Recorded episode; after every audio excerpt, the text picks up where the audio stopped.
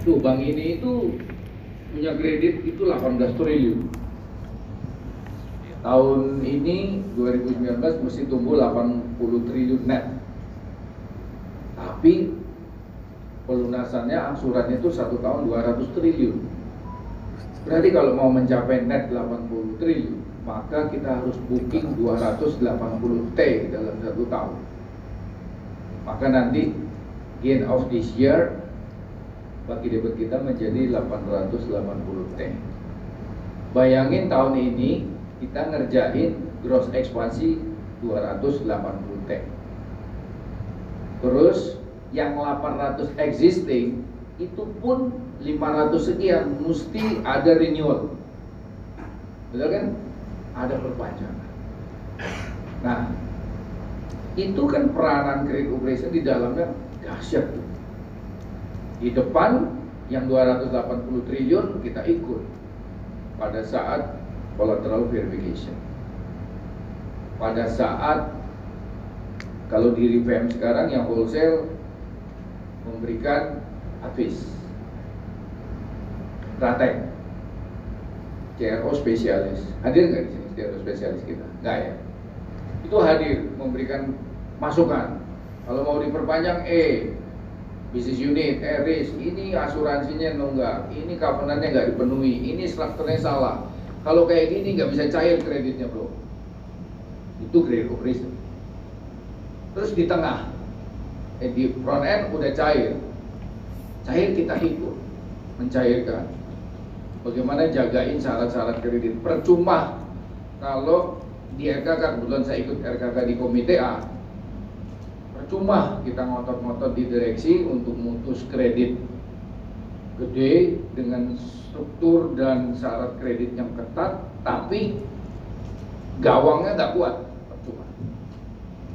Di tengah, di middle, tadi di front end di middle, bahwa kita jagain syarat kredit, mau yang kontraktor, mau yang kredit investasi, mau yang restru, pemenuhan deferred paymentnya, restructuringnya itu kita ikut lagi. Benar nggak? Penyimpanan dokumen. Begitu di back end customernya bagus mau lunas larinya ke credit operation juga. Gimana dalam waktu satu hari lu bisa ngasih agunannya dalam cepat. Mau hak tanggungannya mau surat royanya mau agunan fisiknya mau izin-izinnya serahin cepat. Atau kalau nasabahnya jelek macet kita mau lelang kita lagi ikut lagi. Dinilai ulang lagi. Betul kan? Terus di lelang oleh teman-teman collection lah kalau misalnya ditemukan ini masih loh ditemukan ada. Begitu ditemukan eh, akte hak tanggungannya dengan PK-nya beda aja. PT Abadi jadi Abadu gitu udah. Udah nggak bisa dilelang tuh udah cacat. Nah gimana caranya kredit operation bisa melakukan pengikatan ulang kalau nasabahnya udah macet? Udah impossible ya kan? Ujung-ujungnya susah. Kemarin saya masih nemu itu ada. Kita nggak usah dibahas di sini yang mana tapi yang jelas itu buat pelajaran. Masih ada. Masih ada yang begitu mau dilelang nama di HT-nya itu ada sedikit sedikit miss. Nah itu lagi dicari solusinya seperti apa.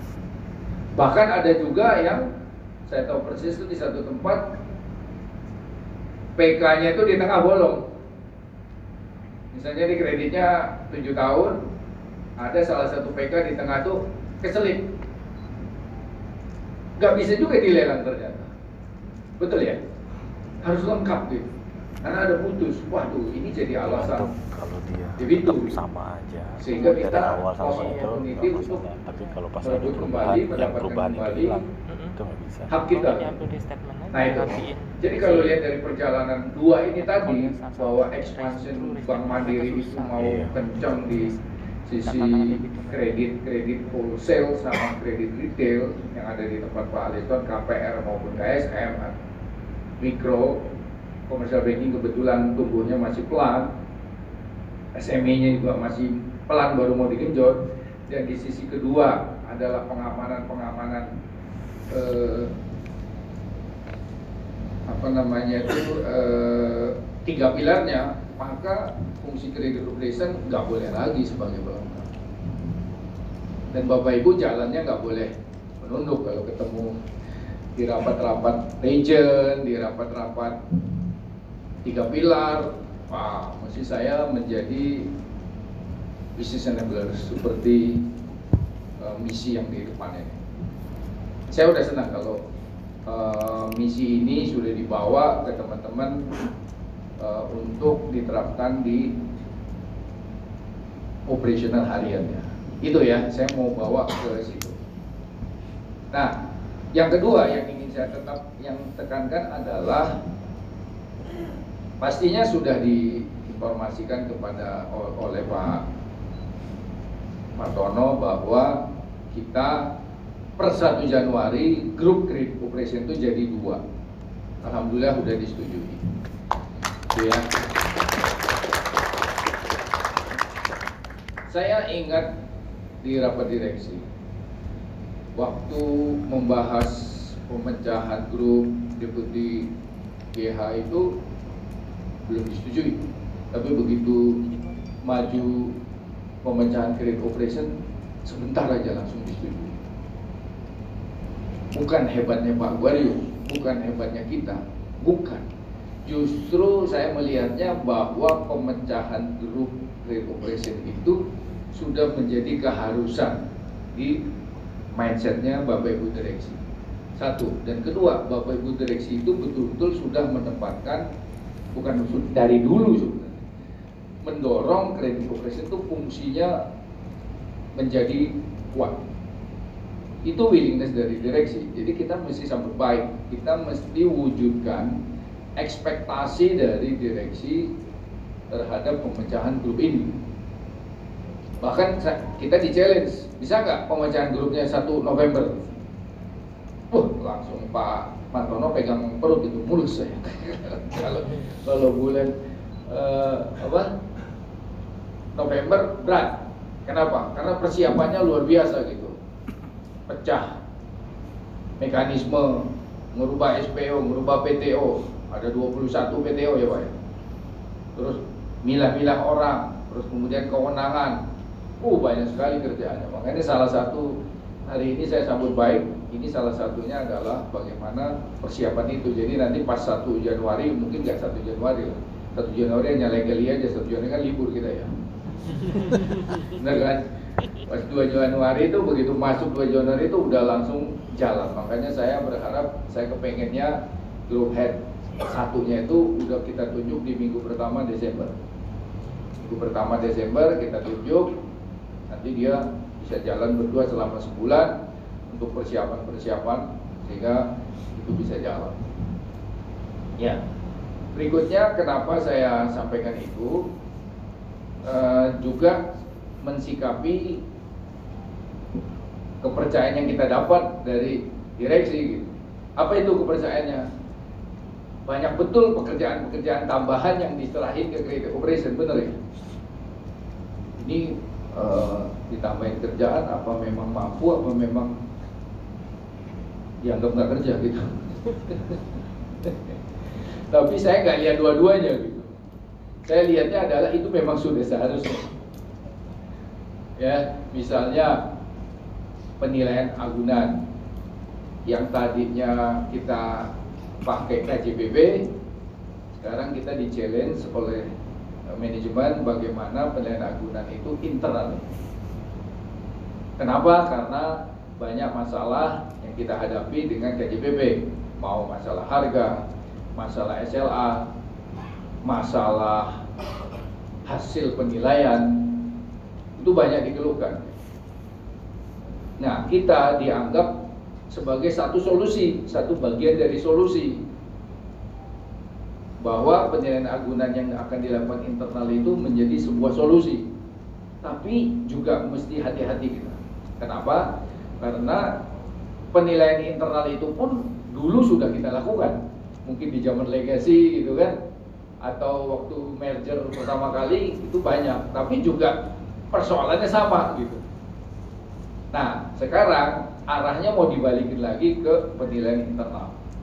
Sehingga saya bersama tim kantor pusat sangat hati-hati untuk menaikkan kewenangan teman-teman menilai agunan. Saya mesti review semuanya, kecukupan orangnya, infrastrukturnya, database-nya, kemudian capabilities-nya. Itu lagi kita genjot, lagi di training, lagi di tambah orang, kemudian tambah mobil. Masa lo nilai agunan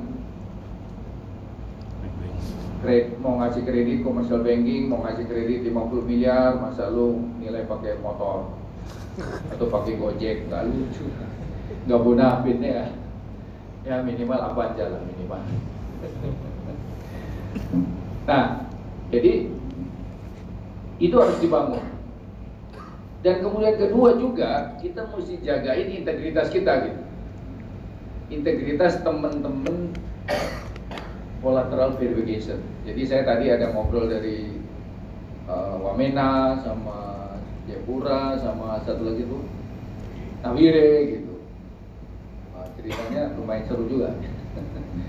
Jadi uh, itu udah punya capabilities gitu sampai 5 miliar, 10 miliar gitu. Jadi saya titip pesan itu juga integritasnya mesti dijaga ya.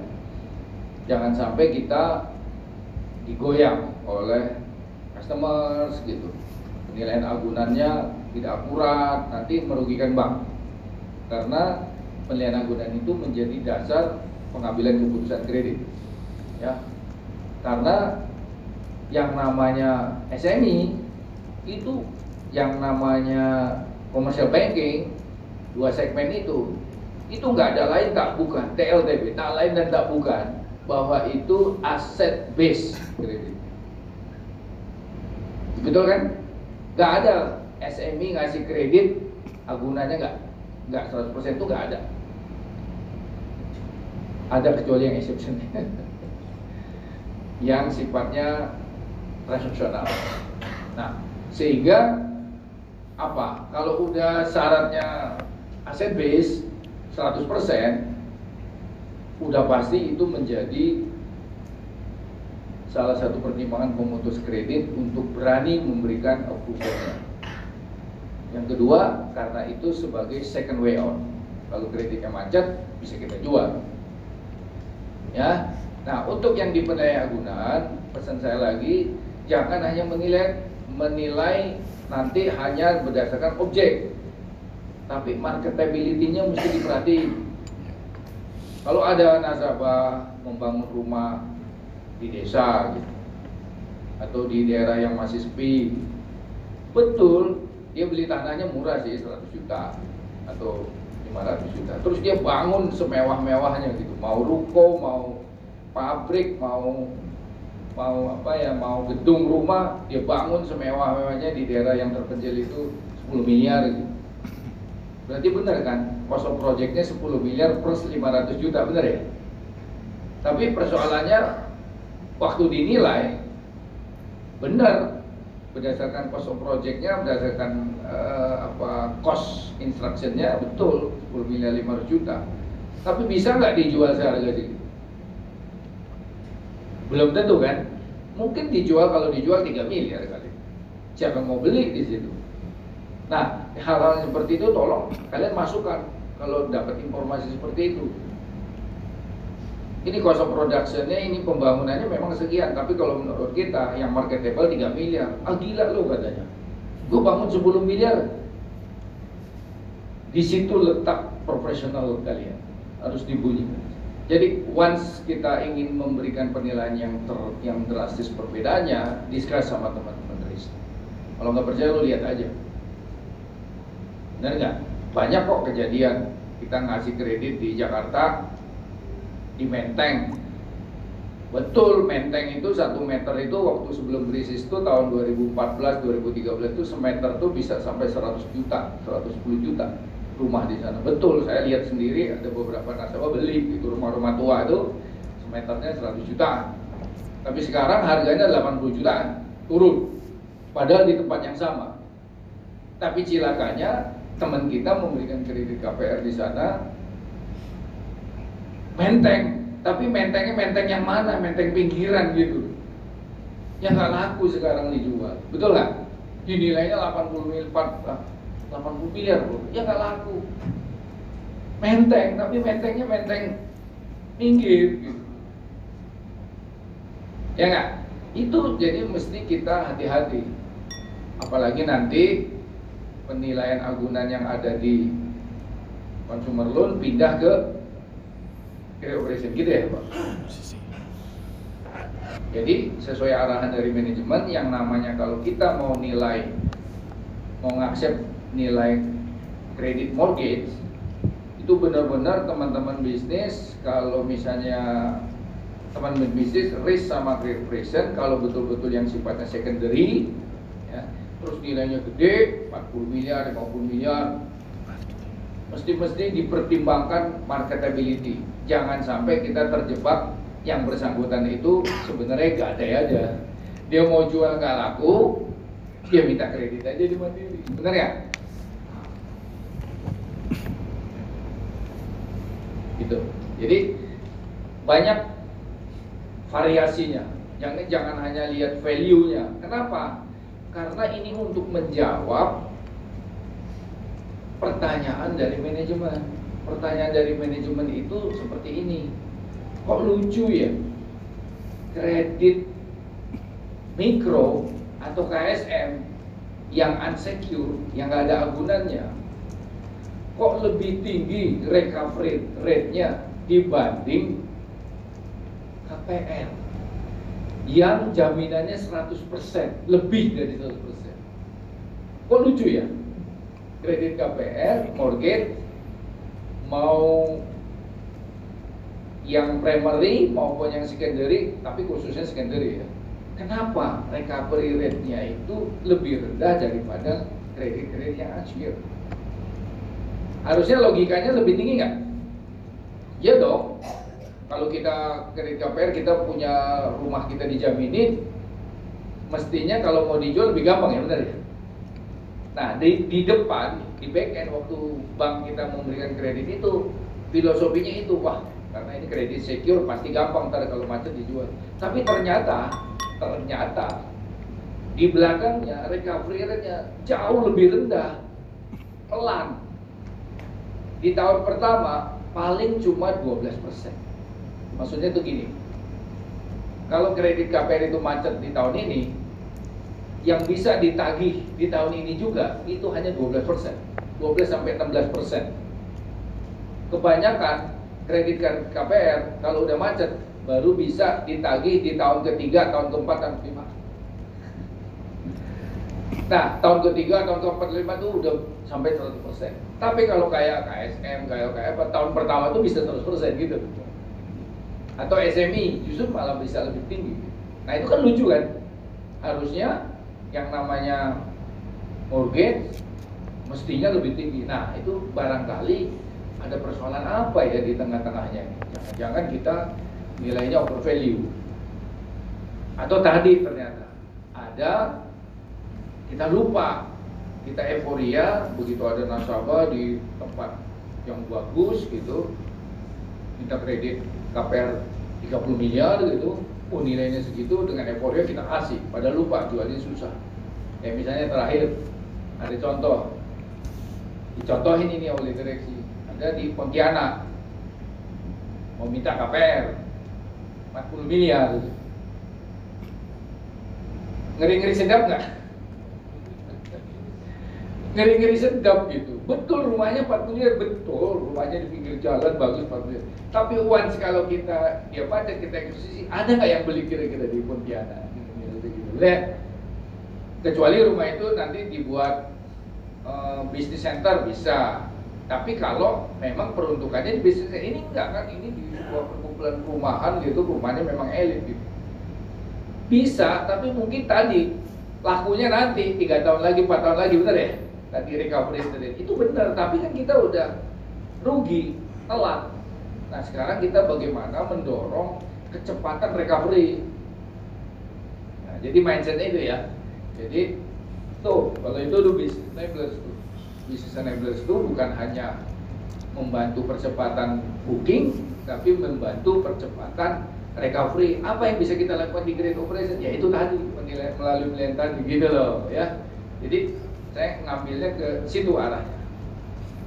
Ngambilnya ke situ arahnya dan ini mungkin uh, kita terlewat atau kita sudah aware tapi kita belum kuat dalam hal melaksanakan.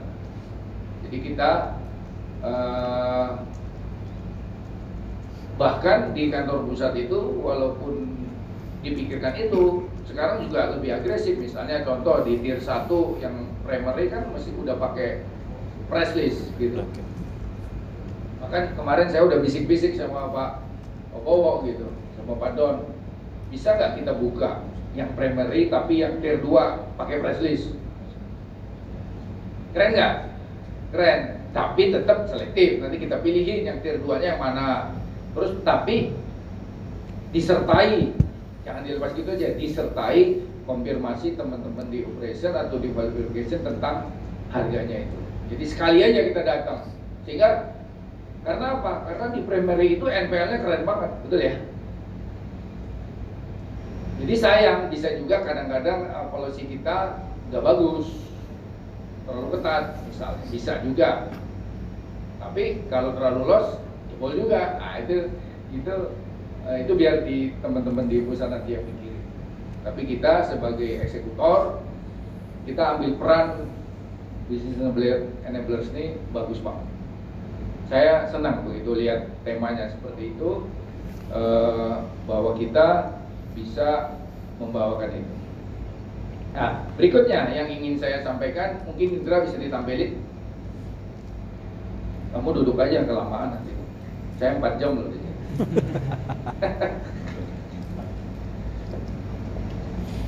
Mana dia?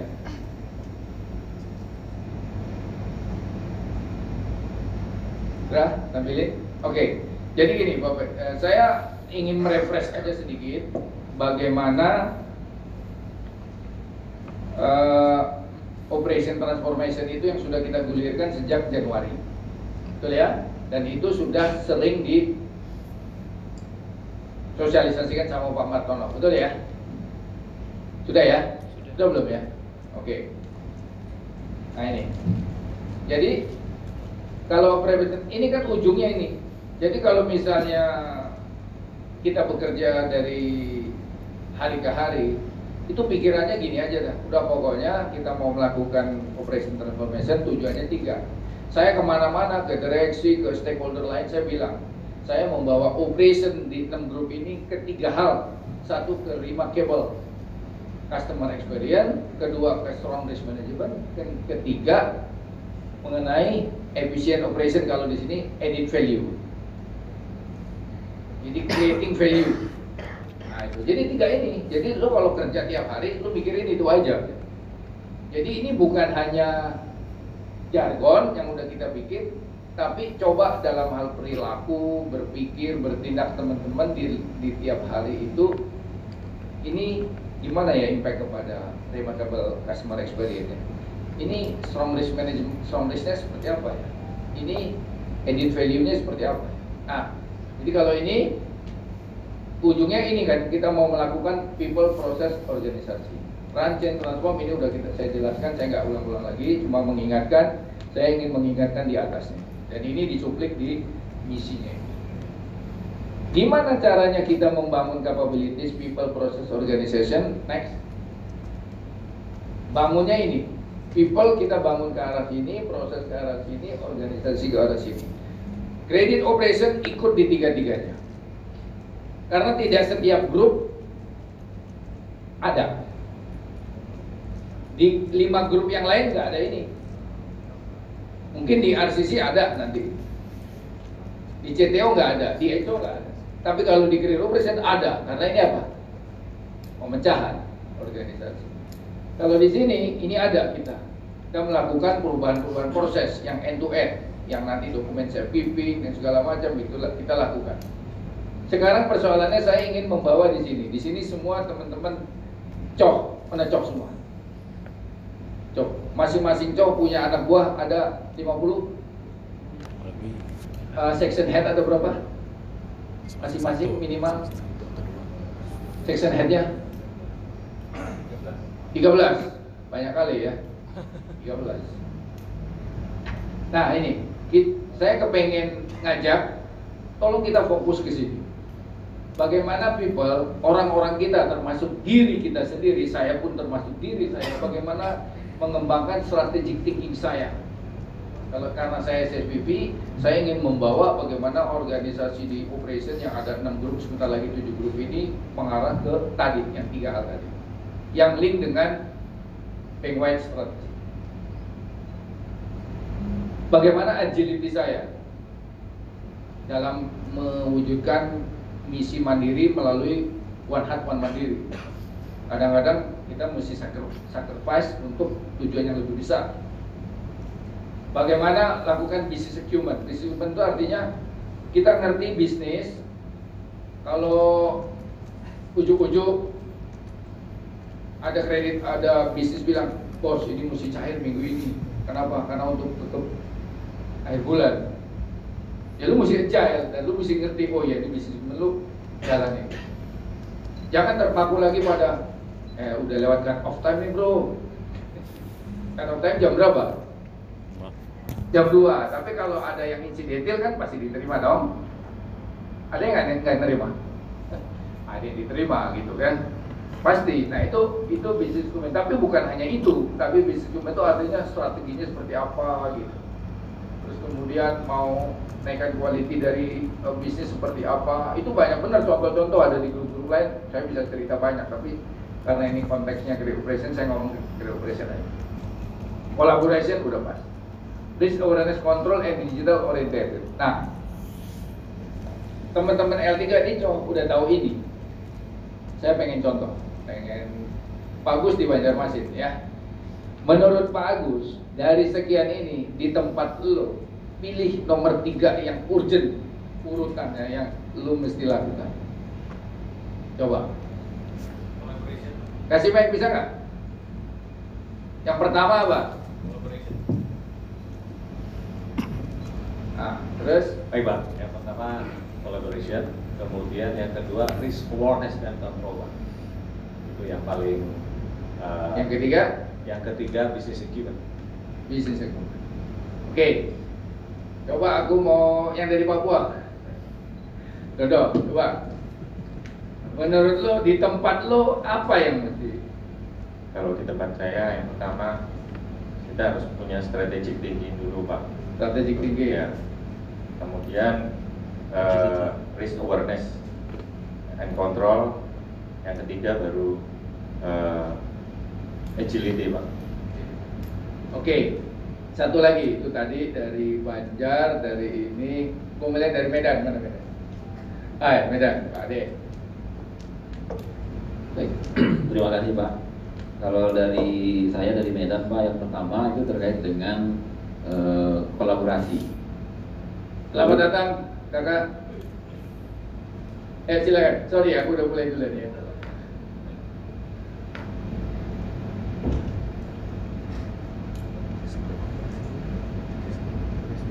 Ayo lanjut.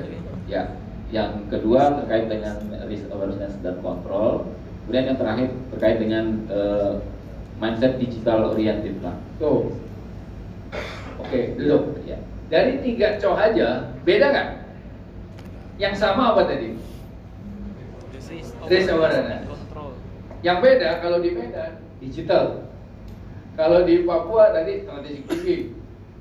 Kalau di Banjarmasin tadi Bisnis acumen. business acumen. Coba lu ceritain strategic thinking apa? Kenapa lu milih strategic thinking nomor satu?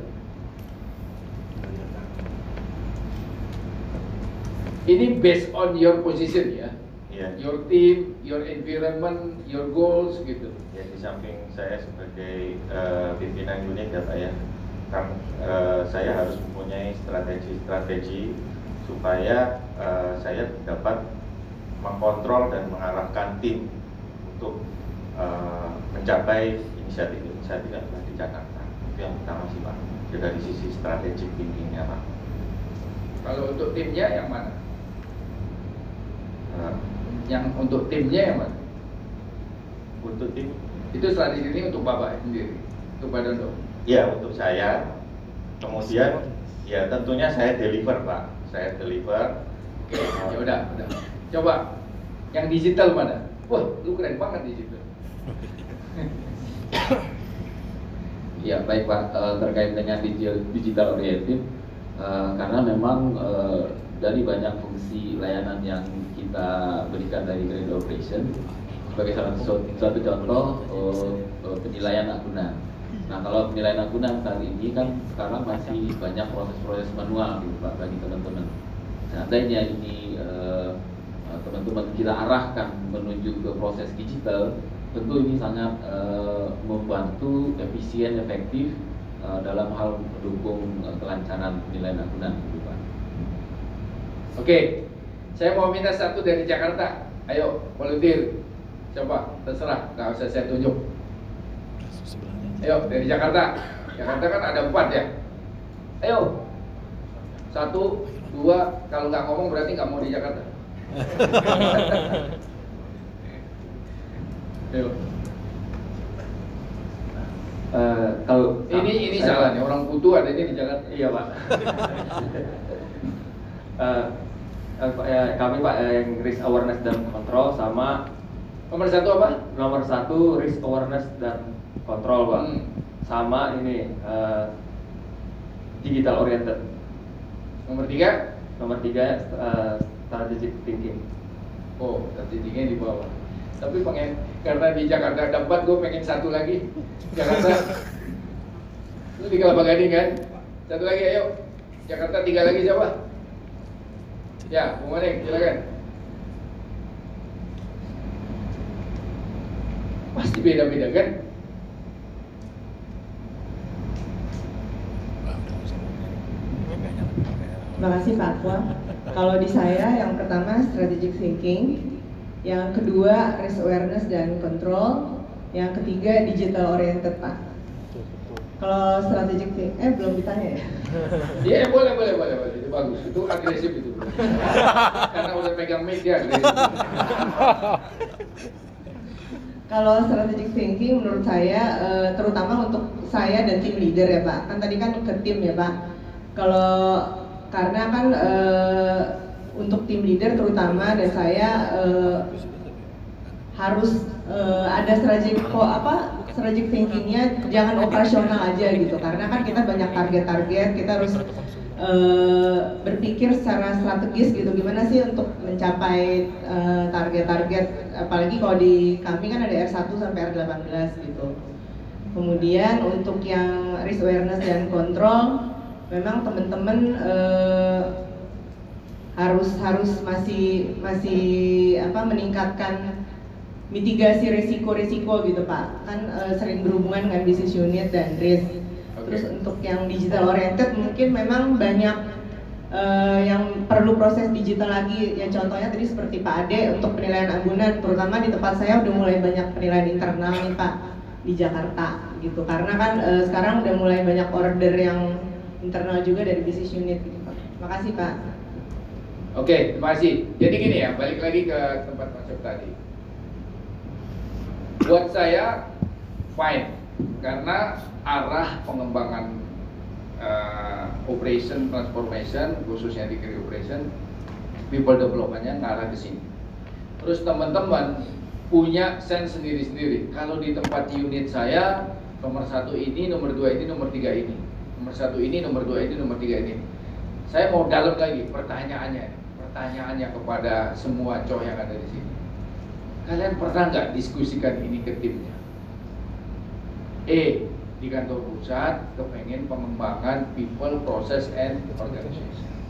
People development kita yang ada di cor kita, yang ada di di pasar, yang ada di sana. Kita mau rumuskan ke mana? Dari enam ini kita mau mengembangkan yang mana? Di mana yang kita lemah? Pertanyaan saya, pernah nggak lo diskusikan sama tim? Saya bisa jawab sendiri nggak dilakukan. Benar kan? Itu Vicky mantuk-mantuk ya. Jadi kalau sudah dilakukan diskusi, tolong saya titip pesan. Saya minta minggu ini harus dilakukan, minggu depan harus dilakukan. Diskusi sama timnya, diskusi sama tim leadernya. Dari enam ini people development mana yang menurut kalian prioritas? Sesuai karakteristik dari coknya gitu ya. Wilayahnya ada yang di Bali, ada yang di Papua, ada yang mana coknya. Dengan perkembangan bisnisnya dengan karakteristik bisnisnya mana.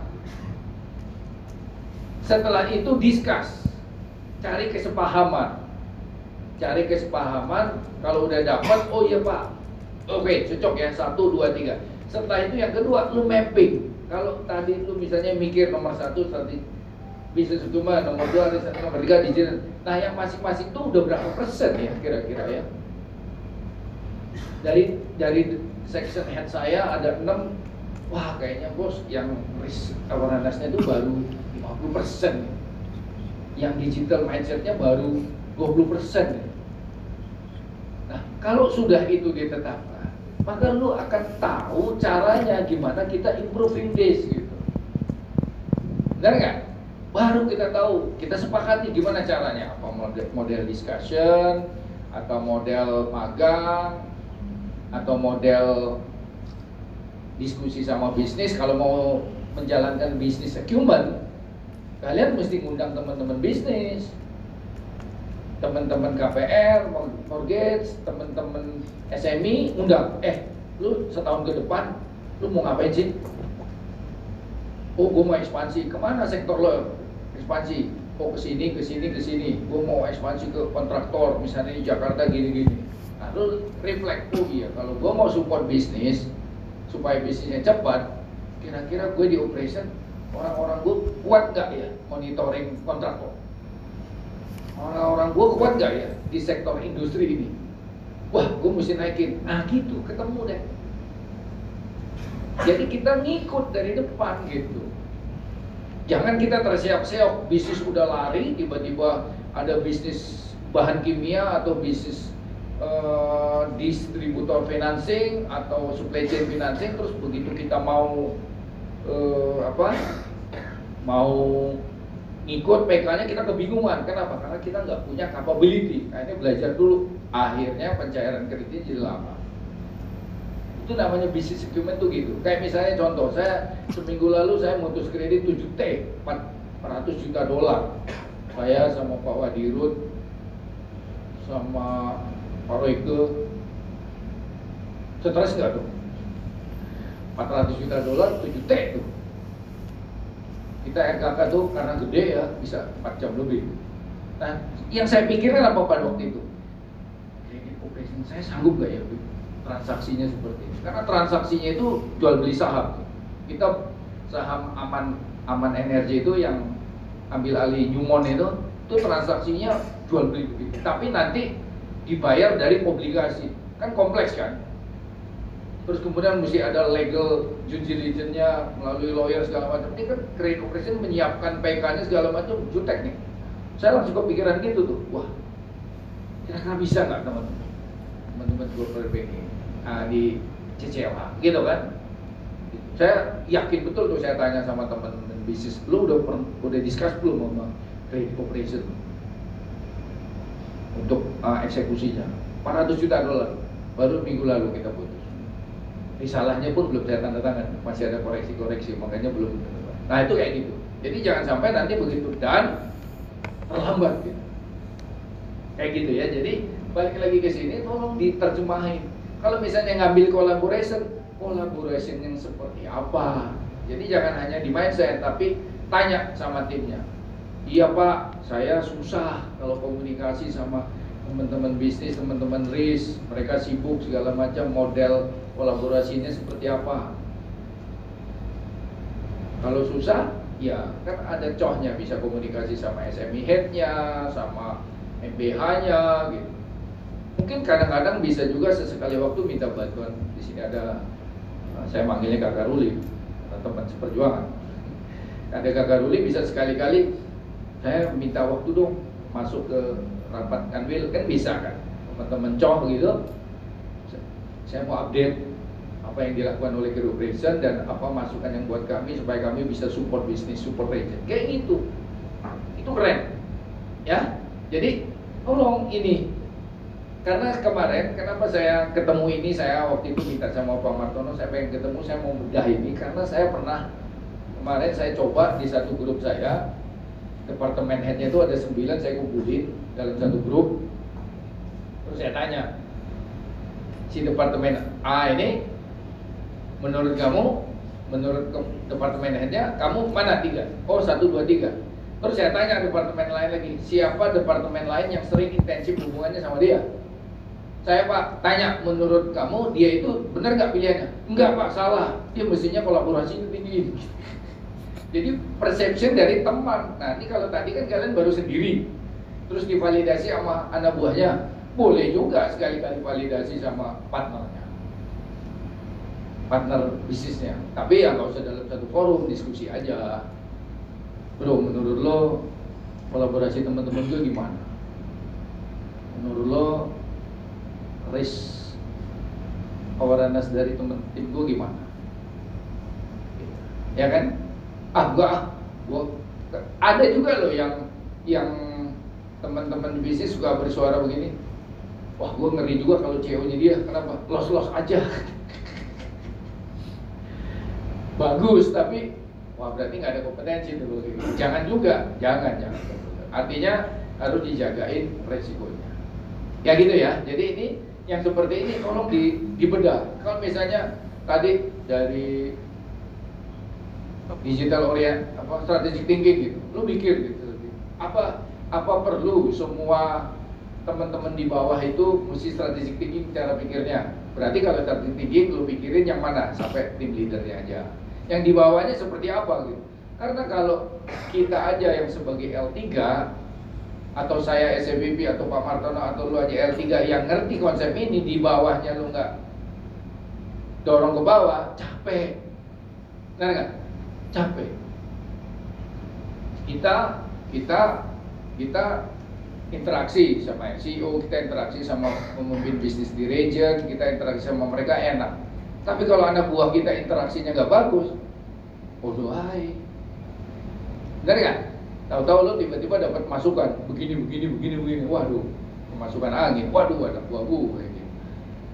gitu ya. Jadi saya titip pesan uh, bagaimana butir-butir people development ini betul-betul dijalankan. Bahkan saya di level kantor pusat ini kebetulan Pak Edi datang sama Bu Lili dari MU uh, kita tuh lagi memetain setiap grup itu dari yang ini tuh mana yang lemah dan mungkin ada training-training apa gitu.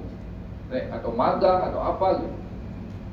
Jadi saya kasih inspirasi satu kalau kita ingin mendorong bisnis acumen ya caranya kita mesti mengerti apa yang akan dikerjakan oleh teman-teman bisnis dan teman-teman risk. Itu aja poin. Ya. Jadi teman-teman jangan nunggu di belakang, tanya sama CLH, tuh bukan CLH-nya datang di sini. Oh, Pak Putu, tanya sama MBH, eh sama SME head gitu tanya sama commercial banking head ada kan di sini kan? Siapa commercial banking di sini siapa?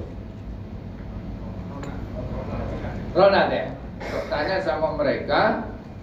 Eh bro kasih tahu gue dong. Satu tahun ke depan lu mau ekspansi ke mana? Mau ke sektor apa? Mau di wilayah mana? Kalau di Bali kan oh mau ekspansi di Mataram mau di Kupang di mana? Oke. Okay. sektornya apa? Oh ini. Kontraktor enggak gini gini gini kalau bisa dibedah lagi oke deh kalau kalau kelamaan satu tahun ya per tiga bulan lah.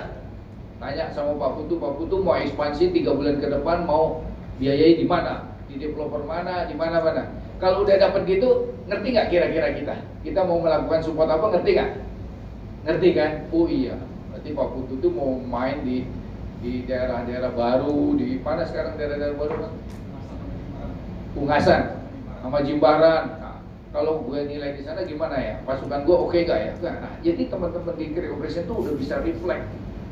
Oh kira-kira kapan uh, apa butuh mau ekspansi? Oh kira-kira gue ntar bulan Desember Januari belumnya kenceng loh, hati-hati. Ah, itu siap. Itu yang namanya bisnis equipment tuh kayak gitu Thus kita juga punya benefit, bukan hanya service ke bisnis, teman-teman juga punya benefit, automatically capability naik, automatically kesiapan kita naik untuk support bisnis. Gitu ya, jadi saya eh, lihat kita perlu lebih proaktif, jangan kita berhenti sampai di situ. Saya kalau di RKK direksi saya rewel banget tuh, kalau ada syarat-syarat yang enggak anu saya rewel banget. Kayak kemarin aja.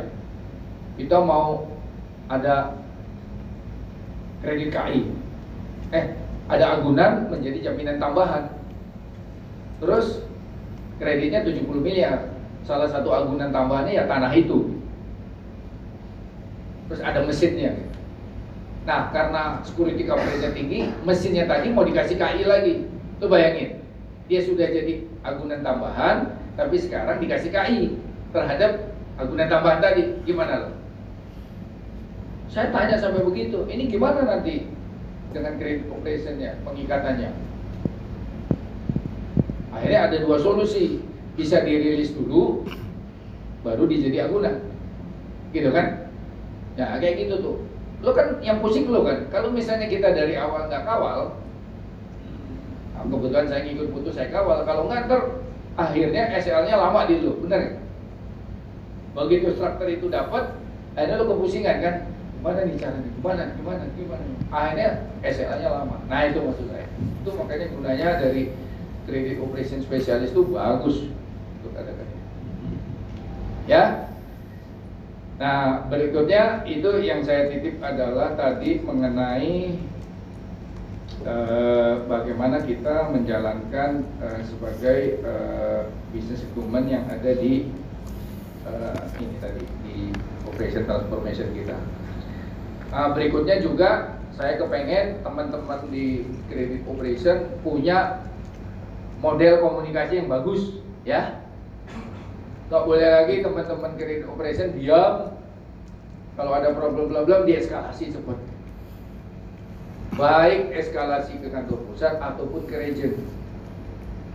Misalnya nih contohnya, kita kan sudah bagus sekarang mengambil peran subrogasi sejak Januari. Bagus banget kita melakukan subrogasi.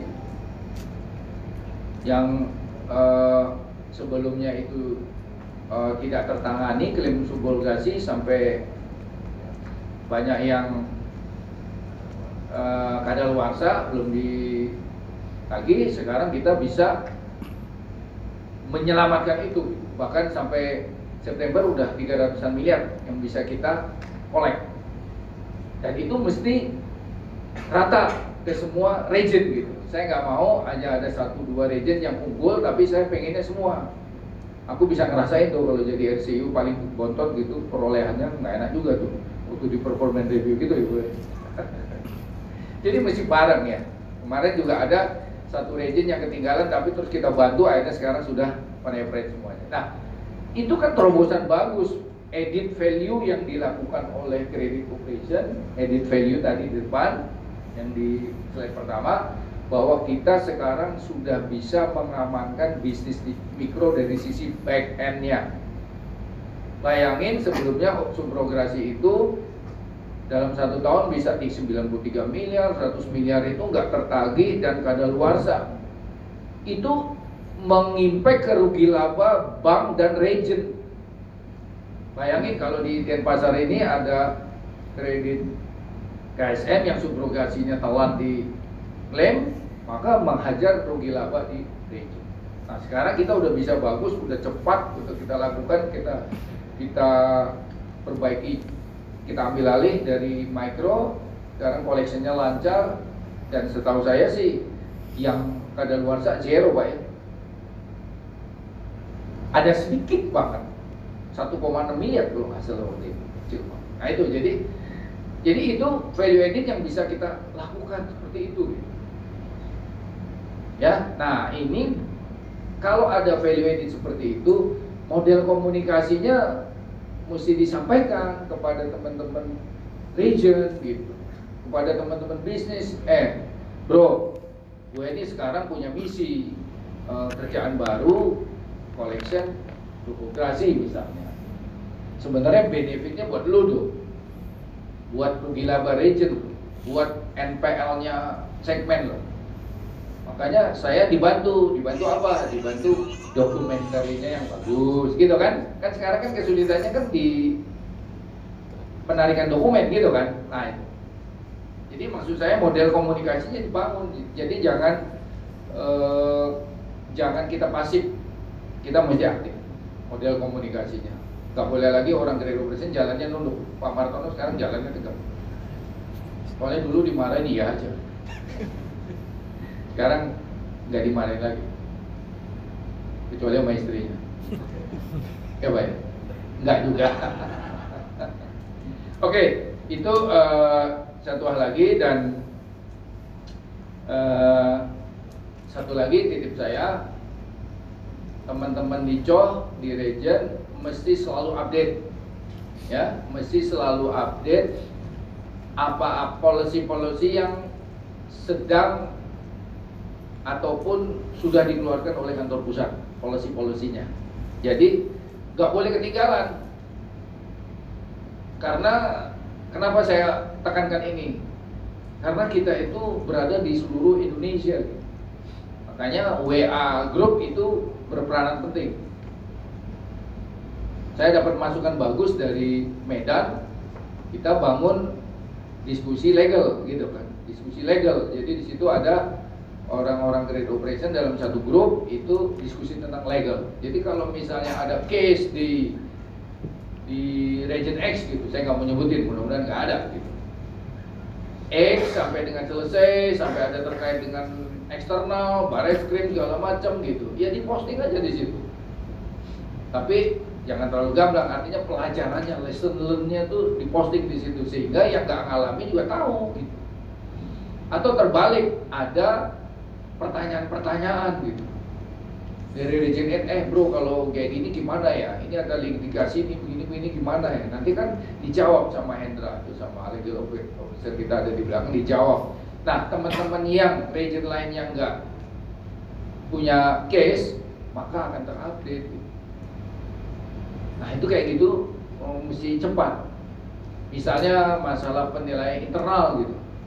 Sekarang kan polisi kita adalah 2 miliar. Yang saya tegaskan di kantor pusat adalah saya nggak mau buru-buru, saya mau 2 miliar. Tapi kita nggak menutup diri. Ada beberapa titik di mix. Ada secara general semua 2 miliar. Nanti kita ngarahnya ke 5 miliar tapi mau mengarah ke 5 miliar butuh preparation yang kuat tadi kan ya. Itu polisi loh polisinya 2 miliar. Tapi polisi turunannya adalah ada kita buka. Titik-titik kredit operation tertentu bisa 5 miliar sampai 10 miliar gitu Pak Martono kan? Ada yang 10 miliar ada yang 5 miliar kita buka. Daerah Maluku apa segala macam gitu ya. Papua kita buka sampai 10 miliar. Tapi nanti arahnya ke depan semuanya akan minimal 5 miliar Nah, itu kan policy. Nah, cara mengkomunikasikannya kepada stakeholder internal itu mesti seperti itu gitu. Ya, bukan Pak, saya tergantung dari bisnisnya kalau bisnisnya minta lima ya bolehlah. Enggak begitu. Polisinya seperti itu. Polisinya harus disampaikan secara gablas. Tapi kita nggak nutup diri, pelan-pelan terus kita tambah. Misalnya sekarang untuk yang objek-objek sederhana yang perumahan bisa kita berani sampai 5-10 miliar. Gitu Pak Martono kan gitu. Jadi kayak gitu ya.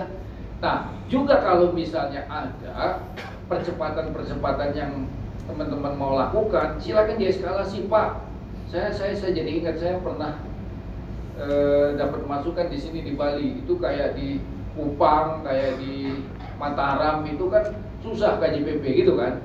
Gimana Pak kalau kita naikin? Ah, oke okay, cepetan kita lakukan review gitu. Kalau memang teman-teman di Cok Bali Pak Sokuan sanggup melakukan remapping atau misalnya nanti orangnya seperti apa, ayo kita bikin prioritas. Jangan sampai pertumbuhan SMI-nya terhambat karena nggak ada KJBP. Adapun saya sedih juga tuh tadi tuh kayak informasi dari siapa tuh? Wamena mana Wamena? Siapa namanya? Pidi ya? Masa KJPP minta 50 juta itu gimana?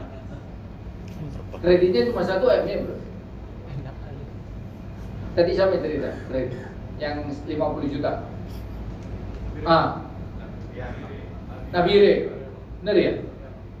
KJPP-nya minta 50 juta, kreditnya 1 M.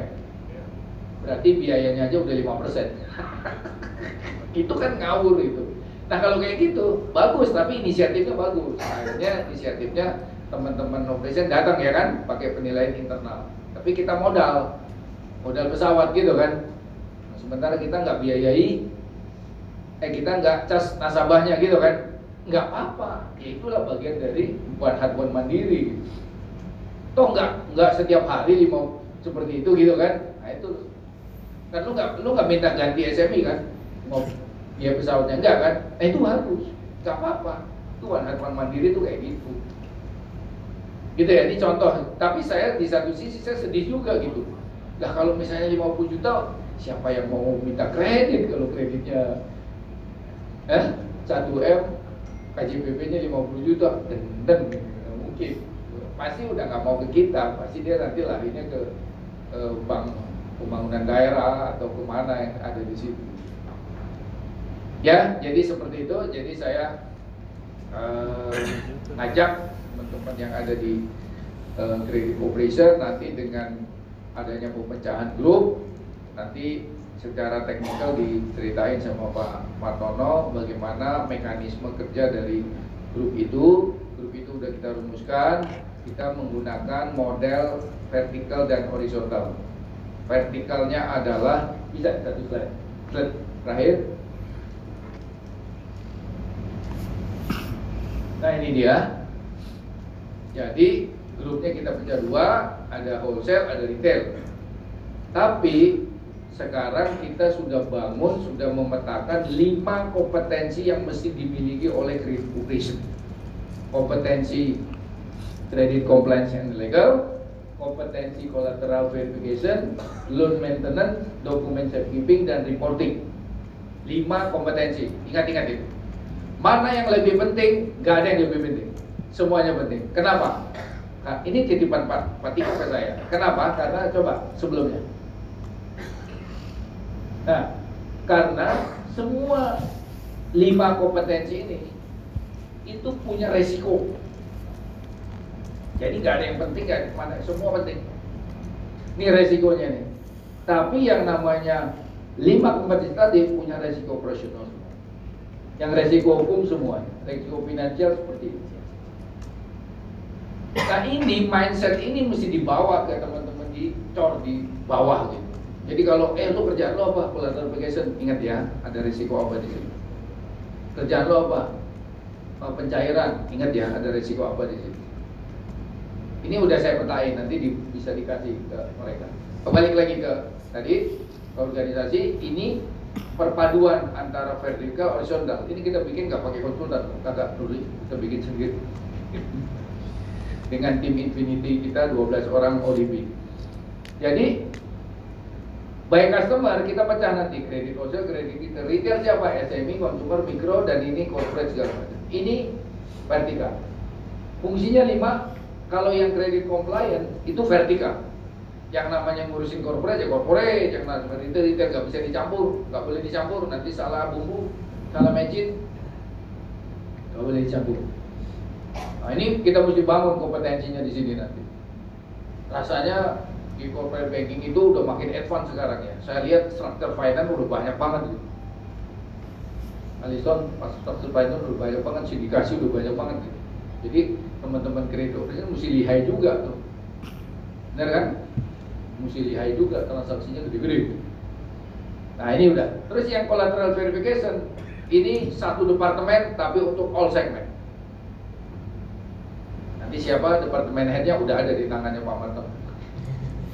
Dia satu tapi untuk seluruh segmen. Jadi nggak dipisah-pisah. Mau segmen mikro, mau segmen, mau segmen uh, consumer loan, mau segmen uh, komersial itu satu bosnya. Jadi seragam. Makanya sekarang ada nanti ada apa namanya blok hari ini. Ada blok blok penilaian angkutan yang ada di uh, eh, RCC pindah ke tempatnya grade operation termasuk orang-orang yang pindah. Nah itu dalam rangka satu. Terus yang kedua loan maintenance sama loan booking. Ini pun satu untuk all segment.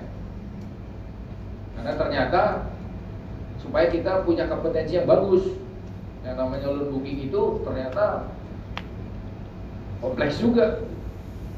Zaman zamannya kemarin tahun 2015 eh 2017 masih banyak yang restru gitu kan restru hapus buku restru hapus buku. Itu kalau salah-salah lakukan maintenance booking kacau juga. Yang deferred payment yang restruct itu kan kompleks ya pembukunya gitu.